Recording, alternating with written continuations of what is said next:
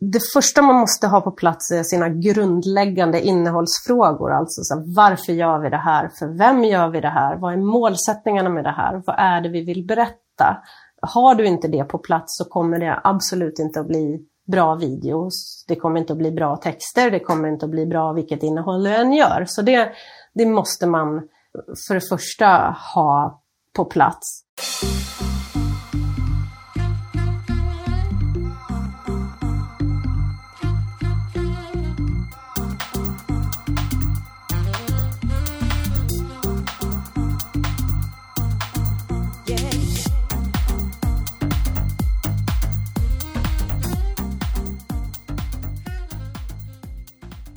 Välkommen tillbaka till Digital marknadsföring med Tony Hammarlund. Det här är en podd där jag intervjuar branschexperter och marknadsförare för att lära mig mer om digital marknadsföring. Mitt mål med podden är att bli en bättre marknadsförare och samtidigt dela med mig av intressanta samtal med några av Sveriges bästa marknadsförare. Video har verkligen exploderat de senaste åren, en trend som inte minst drivs av sociala medier och att vi i allt högre grad vill konsumera innehåll i just videoform. För att lära mig mer om video så bjöd jag in Jonna Ekman som är marknadschef på StoryKit som utvecklar ett verktyg för video, där manus står i centrum. Hon var tidigare marknadschef på Kit som gjorde succé med sina videos så till den grad att många idag kallar textdriven video för just Kit-video.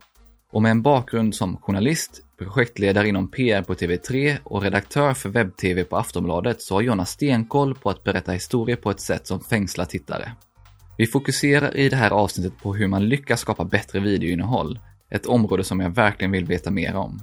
I avsnittet får du höra varför video har blivit så viktigt, nycklarna till att skapa riktigt bra video och vad hon ser att många marknadsförare och företag gör fel när de börjar arbeta med det.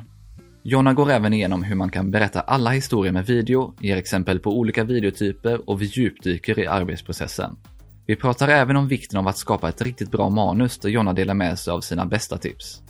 Du får dessutom höra hur du kan analysera video för att hela tiden bli bättre, vad skillnaden är på video och film och hur du använder video smart i din annonsering. Du hittar som vanligt länkar till alla resurser som nämns i poddelägget på tonyhammarlund.io, så du behöver inte anteckna. Efter länkarna i poddelägget så hittar du även tidsstämplat till olika sektioner i intervjun samt en superbra bonusresurs från Jonna och Storykit. Före vi går till intervjun så vill jag även passa på att nämna mitt samarbete med Dagens Analys som är en riktigt bra sajt för oss som arbetar med digital marknadsföring. Så kolla in den om du inte redan gjort det på dagensanalys.se.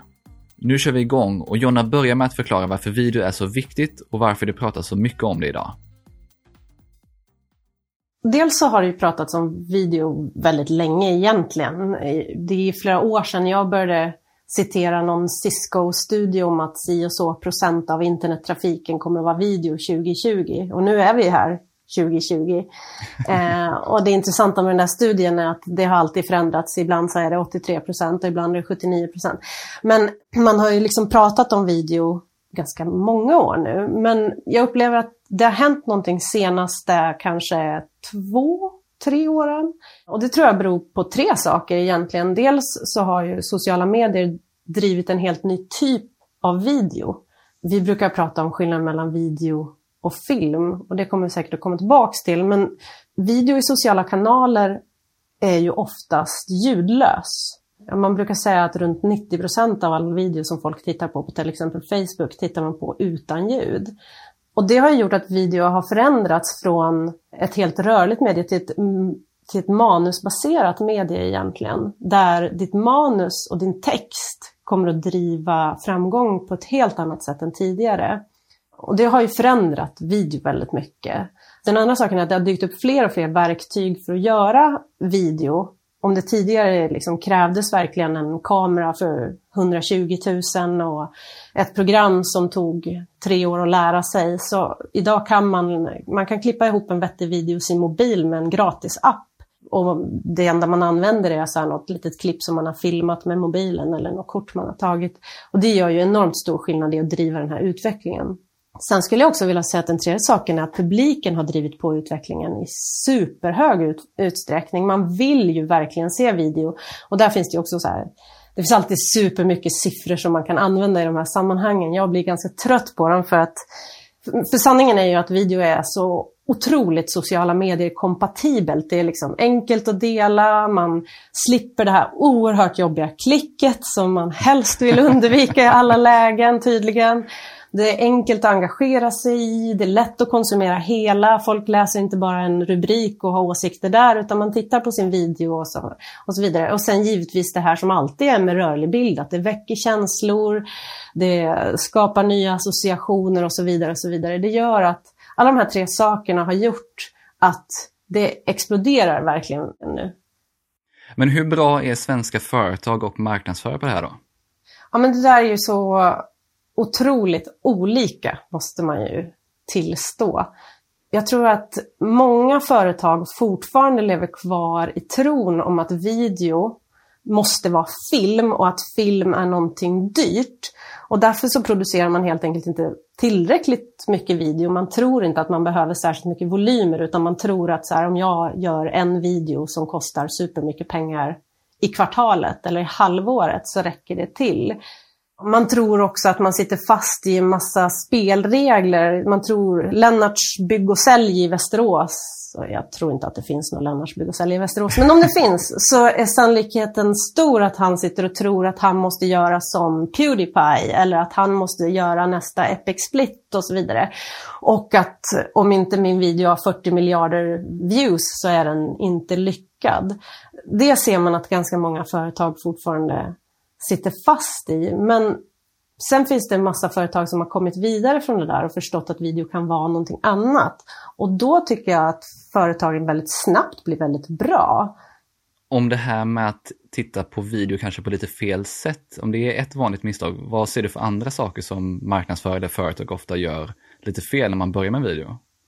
De som inte tror längre att de ska göra guldäggsvinnande film varje gång utan våga jobba liksom med enklare sociala medier-anpassad video så är nog den vanligaste missen att man försöker göra för mycket på en gång. Min gode vän och gamla kollega Magnus Dahl som är på KIT, han brukar säga så här, en sak, en målgrupp, en video. Och det här gäller väl egentligen allt innehåll som man gör, som marknadsförare gör. Man ska inte försöka blanda så många messages i en och samma sak. Men det är nog den största missen som folk gör fortfarande i, i videoform. För att försöker man berätta många saker på en gång i en video så blir det i sociala kanaler, då blir det väldigt, väldigt sällan, om inte aldrig, bra. Inför den här intervjun så kollade jag på flera föreläsningar som du har hållit tidigare där du pratar om att berätta alla typer av historier med video. Mm. Så vad menar du med det och hur gör man det? Ja men det där är också tvegat för eh, Å ena sidan så tycker jag att man aldrig ska börja fundera på formatet. Alltså man ska aldrig börja med att tänka så här, jag ska nog göra video. Utan det första man måste tänka är liksom, varför ska jag överhuvudtaget kommunicera och vad är det jag vill berätta för min målgrupp? Sen ska man väl börja fundera på så här, ska jag göra det i video, ska jag göra det i text, ska jag göra det som en explainer, ska jag göra det i en infographic, ska jag göra det i en podcast och så vidare. Och så vidare. Det jag säger med det är egentligen inte att video ska vara bärande i alla lägen när du kommunicerar. Däremot så menar jag på fullaste allvar att video kan vara en del av ditt budskap i nästan alla lägen. Alltså har du skrivit en text så kan du också göra en video. Har du gjort en infographic så kan du också göra en video. Ska du skicka ett pressmeddelande så kan du också skicka med en video. Har du skrivit en bloggpost så ska du självklart göra en video på den och så vidare och så vidare i all oändlighet. Det är det jag menar. Men där kom du in på ett antal olika typer av videoinnehåll. Så om du skulle lista bara för att man ska få lite inspiration, vad finns det för olika sätt och eh, olika videotyper? Åh, oh, det där är ju en fråga som egentligen är helt omöjlig att svara på, för det finns ju lika många sätt att berätta göra din video på som det finns att berätta olika historier. Jag gjorde, i julas så fick jag en sån här vild idé. Första december kom jag på att jag nog skulle göra en videokalender med en videoidé om dagen i 24 dagar. Eh, och framförhållningen var alltså ingen alls. Så 24 dagar satt jag och slet mitt hår över detta. Då funderade jag väldigt mycket på just den här frågan, för det jag gjorde var ju att göra så här, ja men gör ditt pressmeddelande till en video, gör, gör en intervju eh, i din video. Men jag tycker det är svårt att sitta fast i format sådär. Det handlar ju mycket mer om att hitta liksom vad det är jag vill berätta det och hur jag vill berätta det. För du kan ju göra vad som helst. Du kan göra en lista på saker. Du kan göra en en, eh, en tidslinje på saker i videoform. Du kan göra bara ett citat som rör sig lite trevligt i videoform. Du kan göra en, ett bildspel som rullar. Du kan göra Alltså du kan ju göra i princip vad som helst i videoform och då blir det svårt att dela upp det i så här, de här sju olika formaten finns det. Jag, jag har lite svårt själv för det. Men det är ett bra sätt att få lite inspiration för vad man faktiskt kan göra. Ja, absolut. Det är väl alltid nackdelen med att ha så här, du kan göra vad som helst. För vad, vad är vad som helst? Om man tittar på så vanliga populära format så är det ju liksom, listicles är ju fortfarande väldigt enkelt och bra att jobba med. Det är ofta ett lätt sätt att komma in i videoskapandet också. Så här, hur kan jag berätta det här som en lista? Man kan göra video för att bjuda in till ett event till exempel. Man kan göra en FAQ i, eh, i videoform. Det är jätteroligt. Det finns massor med olika sätt man kan göra det på. Man kan skicka ut en agenda för ett möte i videoform eller som sagt en pressrelease. Eller eh, ett supereffektivt och enkelt format är att göra så tre röster om någonting. Testa göra en checklista i videoform. Förklara någonting i produkten eller tisa något material eller flera av våra kunder jobbar med att göra anställningsannonser i, i videoform. Det, video är ett superbra format att plocka upp an, ens egna anställda, göra en serie där så här, säg hej till Lena på ekonomi. Och så eh, behöver liksom inte vara så komplicerat utan alla de här grejerna är superenkla och effektiva att göra i videoform. Och man kanske inte skulle skriva en hel artikel om Lena på ekonomi. Ja, det kanske man borde egentligen. Men det kanske man inte skulle göra. Men det vore väldigt enkelt att göra en, en snabb video där man säger Hej Lena! Är det kul att jobba på det här företaget? Ja, det är det. Och så har man sin lilla video där. Du nämnde tidigare skillnaden på video och film. Så vad är skillnaden egentligen? Det där är ju en grej som vi pratar internt ganska mycket om på Storykit, för just för att vi ser att folk uppfattar det på olika sätt. Vi menar på att video är egentligen själva formatet och film är egentligen någon sorts berättarambition, om man kan säga det så. Och en video kan vara en film, men en video behöver inte vara en film. Och här handlar det väldigt mycket om att så släppa den här guldäggsidén om vad video är eller att det måste vara superexklusivt filmat material eller att det behöver vara X långt eller att det behöver vara X dyrt eller att det behöver vara X påhittigt ihopklippt. Utan video kan ju liksom vara egentligen en så här eh, skylt på dörren om att broccolin kostar 9,90 fast i rörlig form. Och då är det ju någonting helt annat än det vi tänker på som en film. Och sen finns det ju ett superstort spann mellan extrapris på broccoli och guldäggsvinnare förstås. Men hela det spektrat finns och bör liksom populeras med olika typer av videos. Ja men det är ju intressant att tänka så för att man kan ju tänka på roliga videos eller på Epic Split som du var inne på tidigare. Men just det här andra typen av innehåll som man också faktiskt kan göra video av. Och då kommer vi in lite på det här som en fråga som kom upp, det var just det här, kan man göra video av tråkiga ämnen? Ja, verkligen. Alltså, är det någonting man ska använda video till så är det ju tråkiga ämnen.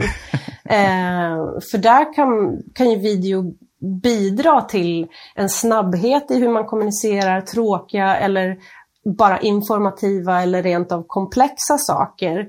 Det man behöver fundera på då om man själv sitter och klurar på sin tråkiga sak som man vill berätta men uppenbarligen måste, är just så här, kan jag ta ut det som en, en lista till exempel? Eller kan jag ta ut det som något av de här formaten jag nämnde precis, här, tre röster om? Att helt enkelt våga ta in lite kött och blod in i ditt jag tycker egentligen inte om att prata om tråkiga ämnen, för det finns väl egentligen inga tråkiga ämnen, men jag förstår vad man menar, att man kan sitta i liksom, situationer och i företag där, där budskapen kanske inte är super liksom, sexiga.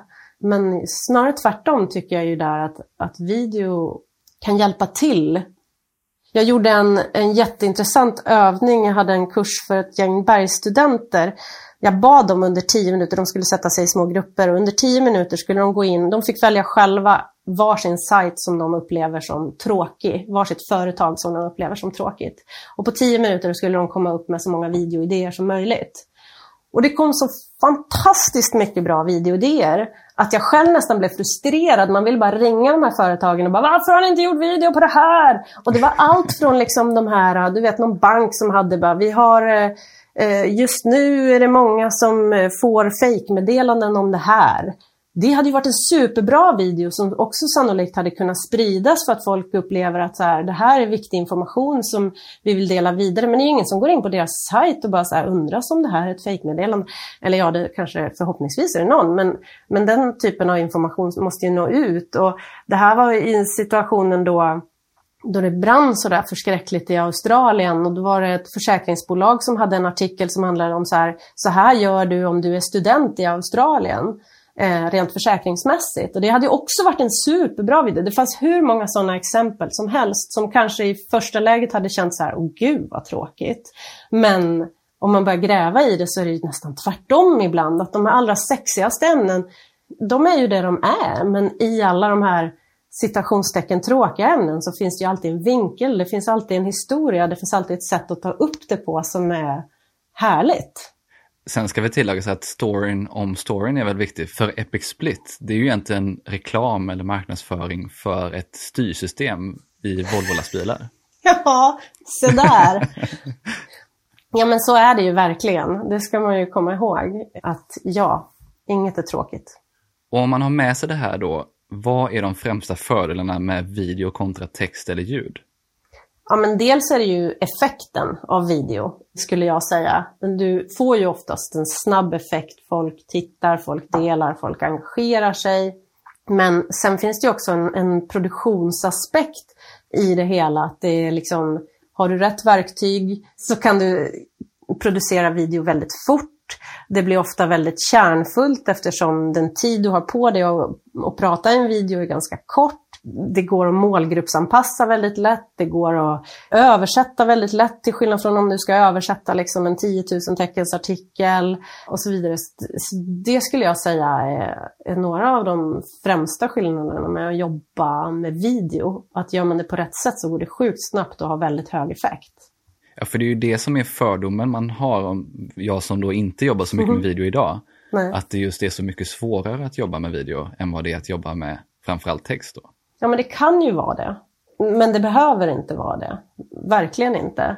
Jag var på en tillställning och föreläste. Det var otroligt fascinerande att se för att först ut på den dagen så var en, en herre som jobbade så här riktigt traditionellt med video. Han hade liksom många års erfarenhet, hade jobbat med tv-tv och, och hade liksom otroligt mycket bra att berätta där. Jättebra föreläsning, superinspirerande. Och efter det så kom eh, en kille från ett företag som jobbade så lite enklare med video. Han var lite så här enmansfilmare som klippte själv i Premiere Pro och gjorde liksom lite enklare video. Också superbra och supernyttigt. Sen kommer jag som liksom jobbar med ett verktyg där så här, alla kan göra video, du behöver ingen bild, du behöver inga kameror. Liksom. Och det som blev så fascinerande att se var hur våra tre berättelser inte mot, var motstridiga överhuvudtaget. Utan tvärtom bara kompletterade varandra. Att så här, det finns lägen där man behöver det ena och det finns lägen där man behöver det andra. Och det finns definitivt lägen där man behöver det tredje.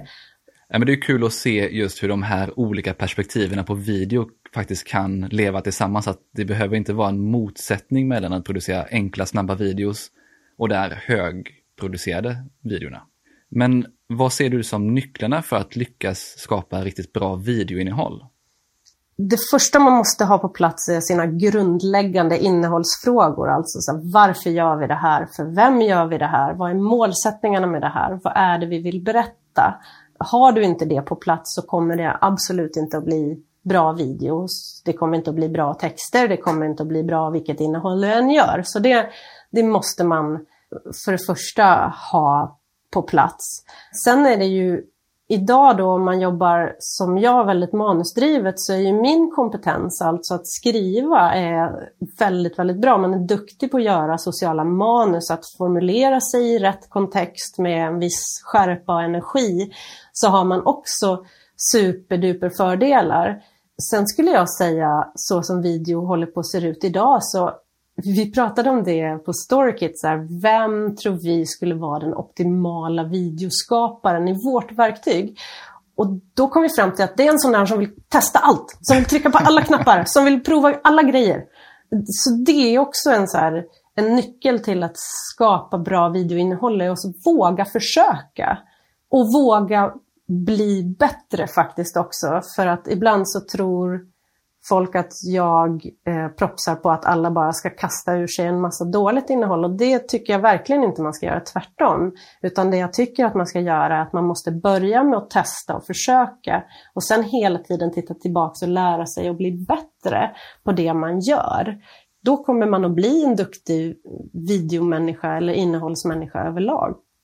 Det är väldigt uppmuntrande att höra det, för jag är en sån här som testar på. Jag, jag kommer också från att arbeta mycket med text så började jag med ljud helt utan att ha någon typ av erfarenhet eller eh, kunskap om det. Så att, eh, och video är liksom mitt nästa steg.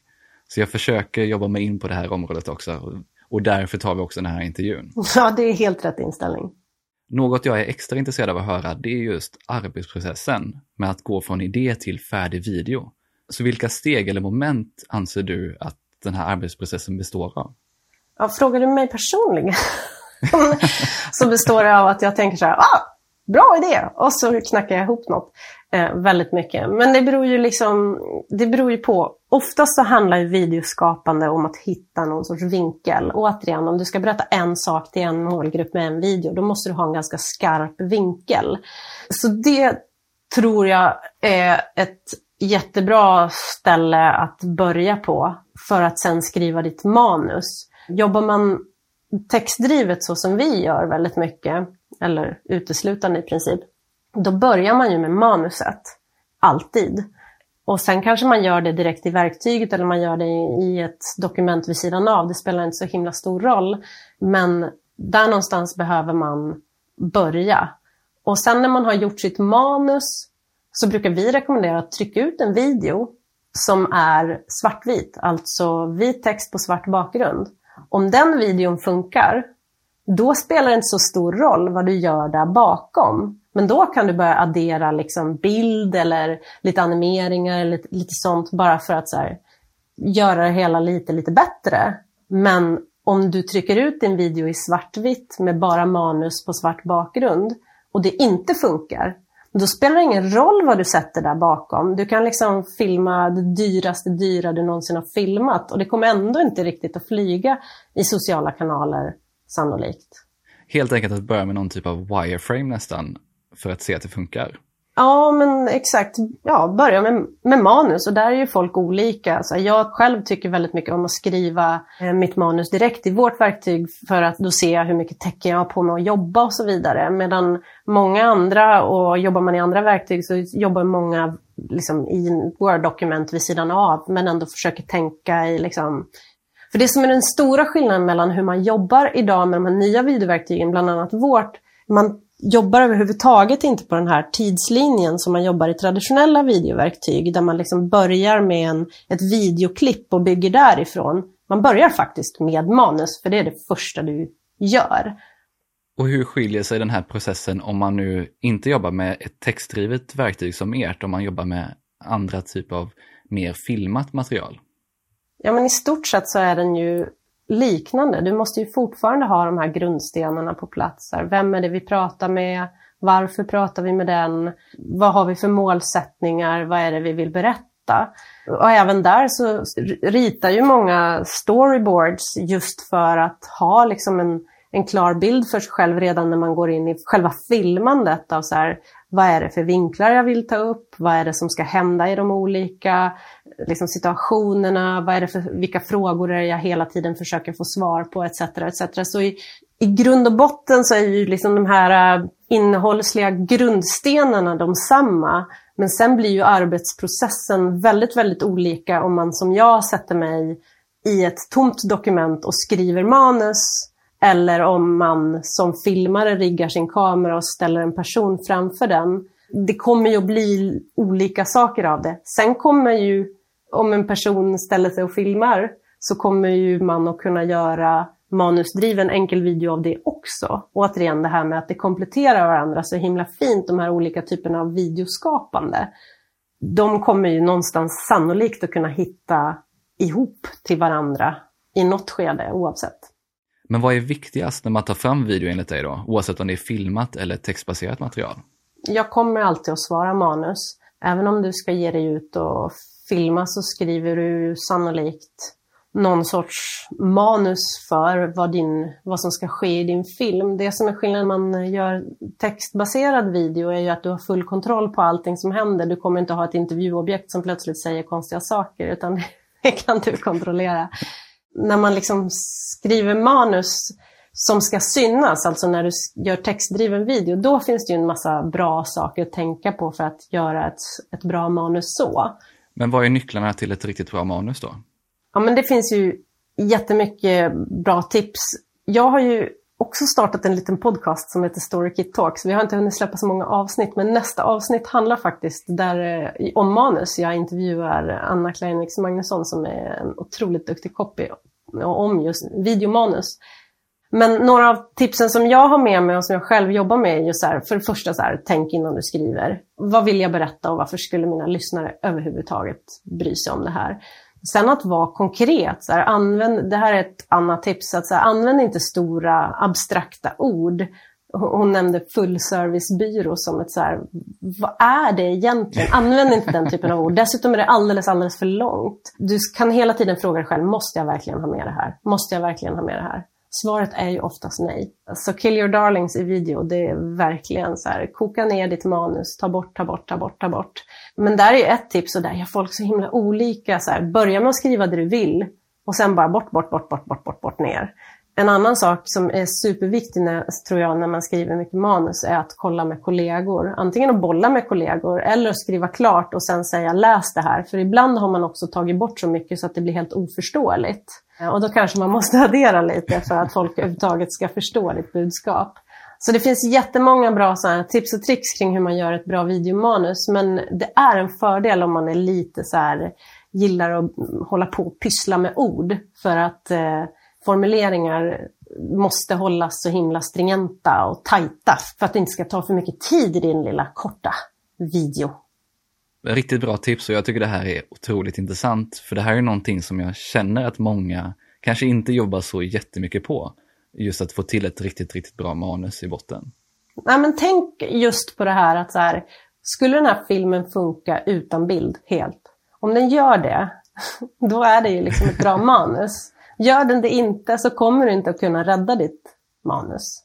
Det är en jättebra utgångspunkt och smärtsamt sann. Många gånger. Om det här då är den övergripande arbetsprocessen som man har när man jobbar med video, vad bör man sedan tänka på när man skapar video för olika plattformar? Det första man behöver tänka på, tycker jag, är så här, varför ska vi överhuvudtaget publicera på den här plattformen? Vi ser att det är jättemånga marknadsförare och kommunikatörer brottas med idag. Framförallt är ju en work overload. Man har små resurser men man ska liksom publicera överallt, hela tiden med fantastiskt innehåll. Och det säger sig självt att det, liksom, det blir ofta övermäktigt. Så där är jag superinne på att så här, våga säga nej till plattformar också. Så här, du behöver inte starta ett TikTok-konto bara för att chefens tonårsdotter eh, har gjort det. Liksom. Utan man måste också våga säga nej. Jag har själv gjort den missen att jag drog upp en massa sociala mediekonton och så känner jag att så här, men jag, har ingen, jag har liksom ingenting att kommunicera på Twitter just nu. Så därför ligger det kontot vilande. Och jag får ständigt skäll av mina kollegor för att jag gör alldeles för lite på Instagram till exempel. Men en dag när tid finnes, då ska det bli fantastiskt även där. Så, så det är faktiskt det första jag skulle säga när det gäller all publicering av innehåll på sociala kanaler. Fundera över faktiskt vilka plattformar du behöver finnas på. Och sen förstå de olika plattformarna. Och det här blir ju ännu tydligare kanske när det gäller video för att de olika plattformarna kan ha lite olika tekniska förutsättningar. Och där är det också svårt att säga så här, så här är det på Twitter, så här är det på Facebook, för det förändras hela tiden. Sist jag kollade så fick man inte sponsra ett till ett, alltså kvadratiska videos på LinkedIn. Men sen upptäckte jag att det gick visst nu helt plötsligt. Så det, är liksom, det är ganska föränderligt. Liksom vilka format och vilken längd och så här det ska vara. Det kan skilja sig mellan hur, sponsrat innehåll och organiskt innehåll. Så där är jättesvårt att ge liksom, där måste man helt enkelt faktiskt hålla koll. Så här, vad, vad har, jag, har jag 30 sekunder på mig på Twitter eller har de, är det en minut eller får klippet på stories vara 15 sekunder eller får det vara eh, 35? Liksom. Och det, får man hålla lite koll på. Och sen när det gäller plattformar så måste man också komma ihåg att de är ju ganska olika. De flesta sociala plattformar är ju någon sorts push-plattformar, alltså vi står som marknadsförare och, och, säger saker så här, lyssna på oss, hör på oss. och, och det, det, kommer ju att tarva sitt genomslag. På Facebook så är det alltid autostarter och man ska tänka tyst och så vidare. Och, och det får vi ju anpassa oss, oss, efter. Men sen har vi ju till exempel Youtube som är ett helt annat djur. Det är ju liksom världens näst största sökplattform eller sökmotor. Då blir ju kraven på innehållet helt annorlunda. När vi letar efter innehåll så kommer vi att vilja ha helt andra saker än när det bara slängs i ansiktet på oss. Och det är också någonting som man, som man måste förstå. Jag tror att många företag tror att man måste vara på Youtube mycket mer än de kanske mäktar med att vara. Alltså är man duktig på Youtube ska man givetvis vara där. Men det är ingen vits att hålla på och slåss där om man inte liksom har någon, någonting riktigt bra att komma med. Ja, men det är ju jättebra att börja med att faktiskt skala ner så att man inte börjar med fem olika kanaler där man ska producera video och ska tänka på alla de olika sakerna som skiljer plattformarna åt. Och jag är helt med på det här du säger att de specifika sakerna som sker och som kan förändras väldigt snabbt, att det kanske är dumt att fokusera på dem. Men om du tittar mer på det här som du var inne med, Youtube kontra Facebook och så vidare, vad finns det för stora skillnader mellan de olika plattformarna om vi tittar på Youtube, Facebook, Instagram och så vidare? Youtube är som sagt ett helt eget djur. Folk har ju oftast kommit till Youtube antingen för att de vill roa sig eller för att de har sökt efter någonting, vill ha svar på någonting. Och jag tror att ganska få företag lyckas att vara kanalen där folk sök, som folk söker upp för att roa sig. Jag tycker inte att man inte ska försöka, men det jag framförallt tror att företag skulle kunna bli riktigt duktiga på, det är att ge svar på frågor, att göra videos som liksom har en förklarande approach. Och där, återigen, så funkar ju det här manusdrivna och kanske textdrivna ganska bra. Sen på Facebook, Facebook är ju Facebook. Liksom, där måste du fundera så här, vad är vår tonalitet här? På Facebook är det jätteviktigt att du har koll på dina kommentarsfält. Att du funderar på hur du ska sända av din video i Facebook-posten, för många läser den och det ska man verkligen utnyttja. Man kan skriva ganska långt i sin post om man vill. Man kan länka till saker om man vill. Man kan verkligen nyttja själva posten och sen har du videon och sen nyttja även kommentarsfälten för den dialog som man vill föra och så vidare. LinkedIn har ju sitt eget tilltal jag är inte så himla noga med att separera de tilltalen, för mitt tilltal på Facebook och LinkedIn är ganska lika. Men det finns ju företag som har helt olika tilltal på Facebook och LinkedIn. Och då är det ju viktigt att hela tiden anpassa, kanske inte alltid videon, men framförallt posten och avsändartonaliteten i det på de olika. Twitter är ju också sitt eget, sin egen lilla värld där eh, man nog ska, om man ska ge sig in där, så tror jag att man också behöver tänka efter liksom vilken roll, eh, som det är på alla plattformar, man måste tänka efter vilken roll det är man spelar. Ska man försöka ge sig in i debatter på Twitter eller liksom det kanske inte alltid är. I Sverige är, vi ju, är ju företag överlag inte jätte superduperduktiga på Twitter. Där är man ju bättre kanske i UK eller många andra länder på att faktiskt ha en så aktiv närvaro på Twitter. Men sen när det gäller Instagram så finns det ju flera format bara där. Alltså det är skillnad på hur du talar till dina följare i om du lägger dig i Instagramflödet eller om du lägger dig i Insta-stories eller om du tänker jobba med IGTV. Själv tyckte jag att det var väldigt mycket snack om IGTV som jag inte höll med om. Alltså jag tycker att Instagram TV är ju, det är ju ett långberättarformat per definition. Och ska man hålla på med långberättande i video som företag, då måste man verkligen veta vad man håller på med. Det är liksom en annan typ av, av berättande, återigen det här med film kontra video. Men sen, eh, det som är kul med som, eh, att vara företag på Instagram, om man nu har liksom resurserna att, att göra det, så är ju att i Insta-stories så kan man ju vara ännu mer lekfull. Det går att göra ännu mer så här, eh, mobilfilmat, som inte alls behöver vara super Genom, genomtänkt ska det alltid vara. Jag höll på att säga det, men det är klart att det alltid ska vara genomtänkt. men, men, men, men att våga experimentera, där om någonsin, herregud, bara testa liksom. Det försvinner ju sen, herregud. Nu pratar vi om olika sociala plattformar och kanske lite mer det organiska. Men hur bör man tänka för att använda video i, i ren marknadsföring och annonsering? Jag kan ju prata om hur jag själv gör. Alltså, om jag jobbar top of funnel, då jobbar jag väldigt mycket med in, rent innehåll. Liksom tio orsaker till att du borde använda video eller Eh, sju siffror du kan ta till din chef om video. Alltså den typen av väldigt så här generiskt, hjälper alla, härligt innehåll. Sen när man kommer ner i tunneln där, så då handlar det mer om att göra case, berätta lite mer om, om ens eget företag. Så, här, så hjälpte StoryKit företag X för att öka konverteringarna med video med en miljard procent på två dagar. Eh, ett case jag snart ska skriva tycker jag, hoppas jag. Eh, och, och, där går det ju jätteväl att jobba med video, både i artik alltså, som teaser till artikel men även i en liksom, fristående videos. Sen när man kommer ner till botten av funneln så då handlar det om att, att liksom driva på mycket mer så här storykit, i mitt fall då, specifikt material. Liksom, där fem orsaker till att du ska välja just oss och inte något annat videoverktyg. Eller, eller videos som, som våra säljare kan skicka ut för att förklara vissa saker och så vidare.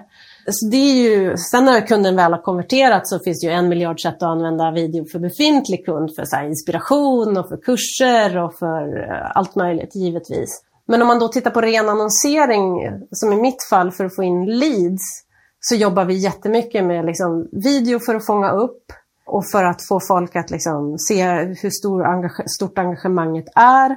Och sen så retargetar vi ofta med, med ganska mycket textannonser, men även videoannonser. Och då blir videoannonserna mycket mer så här kom och köp. Det går verkligen att arbeta med video överallt i hela funneln. Men där måste jag också säga en helt annan sak som jag kom att tänka på. Och det var så här missar som folk gör. Det är också att man tror att video ska leverera någonting som video inte är så bra på att leverera på.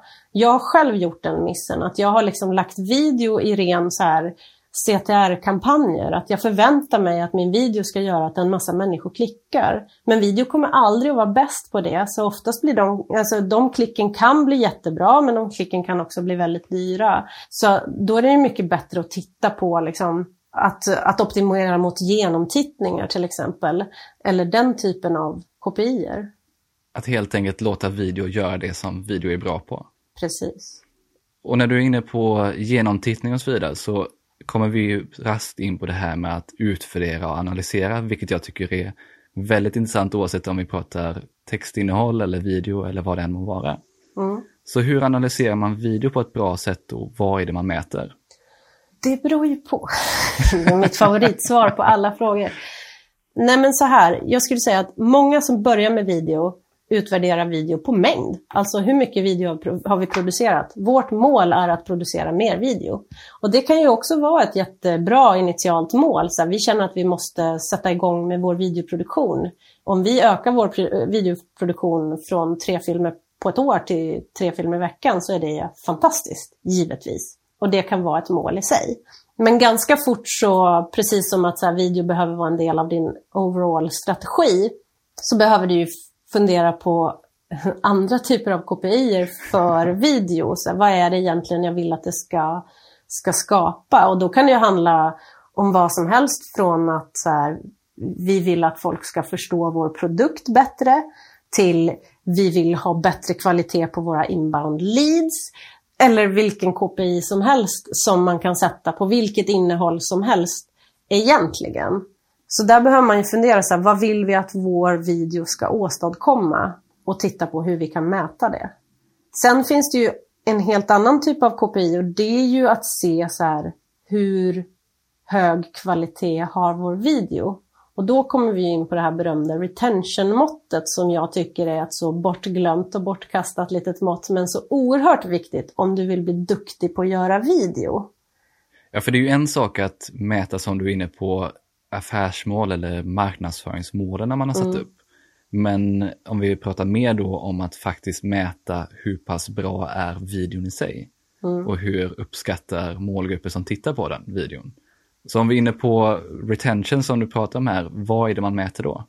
Ja, men retention i videoväg är ju ett mått på hur länge du har behållit dina tittare i din video.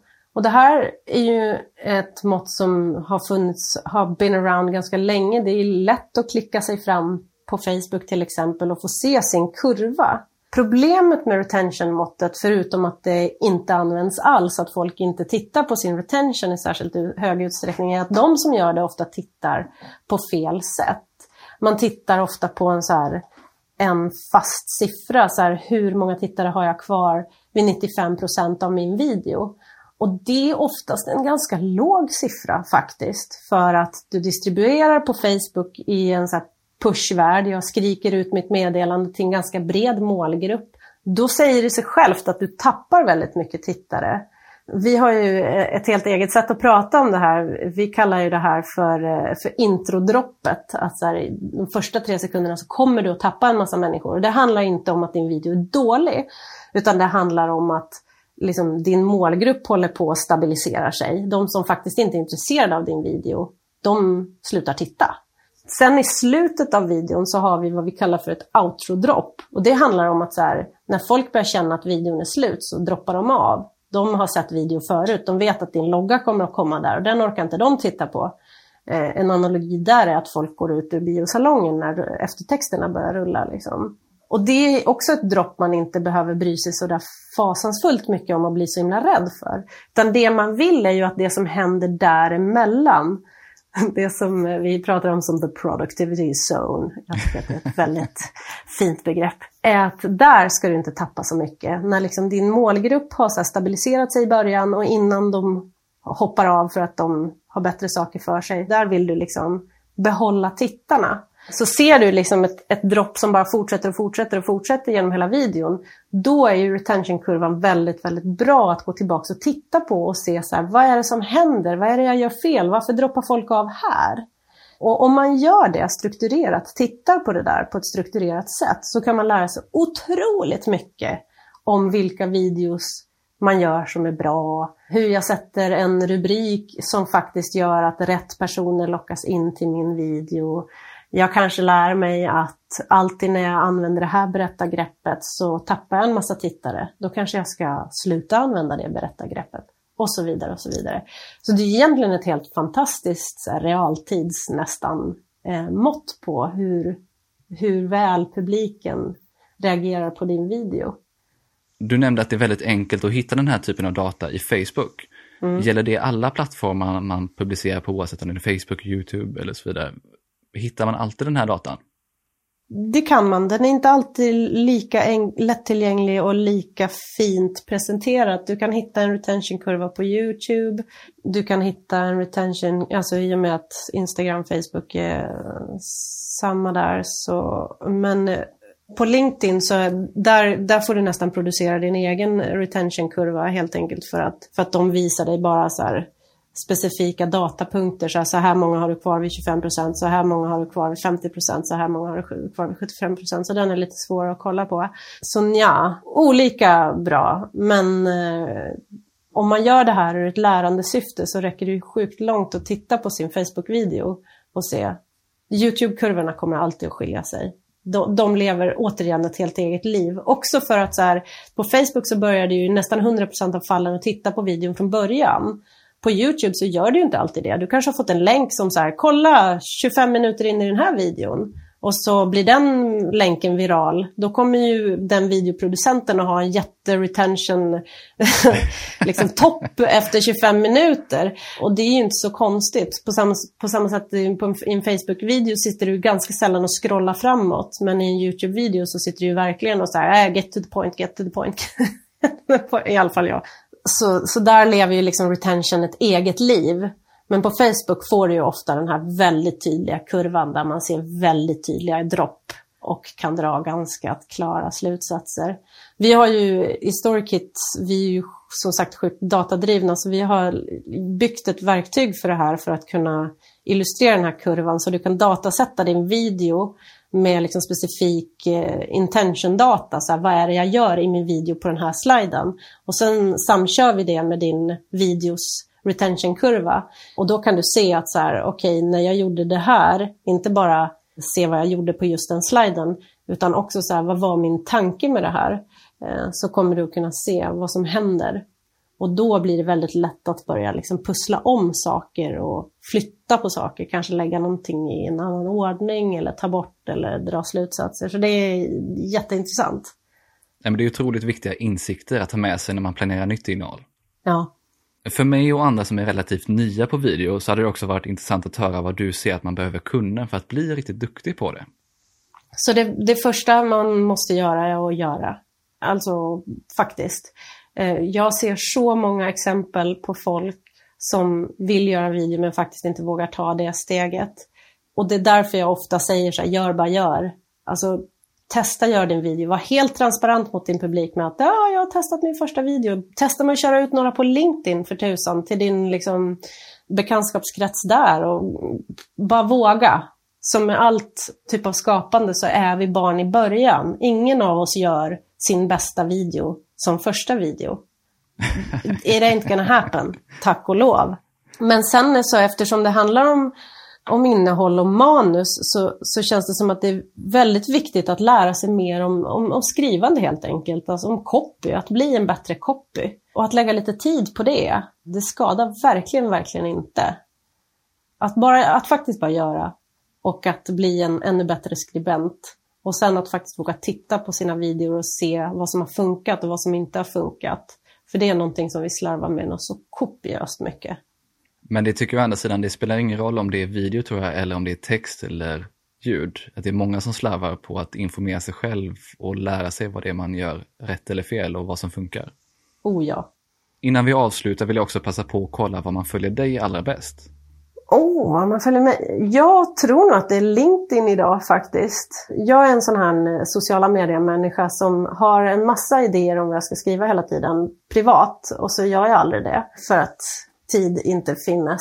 Plus att jag också tycker att många andra säger saker så mycket bättre än jag. Men eh, på LinkedIn brukar jag ändå försöka både prata om liksom, saker som jag tänker på själv och sånt som givetvis är så företagsrelaterade men videorelaterat överhuvudtaget. Men sen tycker jag också att man kan följa vår Facebookgrupp Video i sociala medier som är liksom en Storykit Facebookgrupp så att jag lägger helt ohämmat och eh, oförblommerat upp saker som är superföretagsrelaterade eh, där. Men där delar vi också väldigt mycket så här, inspiration, om jag hittar någon rolig undersökning. Eh, jag lägger ut storyboards på i princip alla videos jag gör, för, både för att våra kunder och för att andra ska se liksom, hur jag har tänkt och vad jag har gjort. Eh, Storykit är också ett verktyg där man kan dela storyboards med varandra. Så att jag lägger upp ID på mina storyboards. Så att alla Storykit-kunder som vi har som är med i gruppen kan ta det ID och ta min video och öppna den i sin egen webbläsare och göra om den till sin egen med sina egna loggor och sådär. Så att det är ett väldigt härligt ställe att vara på. Ja, men det är ett bra tips. Stort tack för idag Jonna. Ja, men tack själv hör du. Video är så viktigt idag och det var jättekul att djupdyka i området tillsammans med Jonna. Inte minst då video är någonting jag verkligen vill lära mig mer om och arbeta mer med framöver. Några av de främsta sakerna som jag tog med mig från intervjun var hur viktigt manuset är för att skapa riktigt bra video, hur man på ett bra sätt kan utvärdera videoinnehåll genom att titta på retention och inte minst att det finns otroligt många sätt att både skapa och använda video. Hör gärna av dig på LinkedIn och skriv vad du tog med dig och passa också gärna på att skicka en kontaktförfrågan. Du hittar som vanligt länkar till de resurser vi nämnde i poddenläget på tonyhammarlund.io. I poddenläget hittar du även Jonnas bonusresurs för dig som vill djupdyka i hur man analyserar video med retention-data på ett bra sätt. Och har du några frågor till Jonna så kan du ställa dem i kommentarerna direkt in i poddenläget. Gillar du det här avsnittet och podden så får du inte glömma av att prenumerera och tipsa gärna andra om podden. Avslutningsvis vill jag passa på att tacka Mikael på Newbreeze Music som hjälper till med att producera den här podden och stå för musiken. Vi hörs snart igen med fler intressanta gäster och ämnen.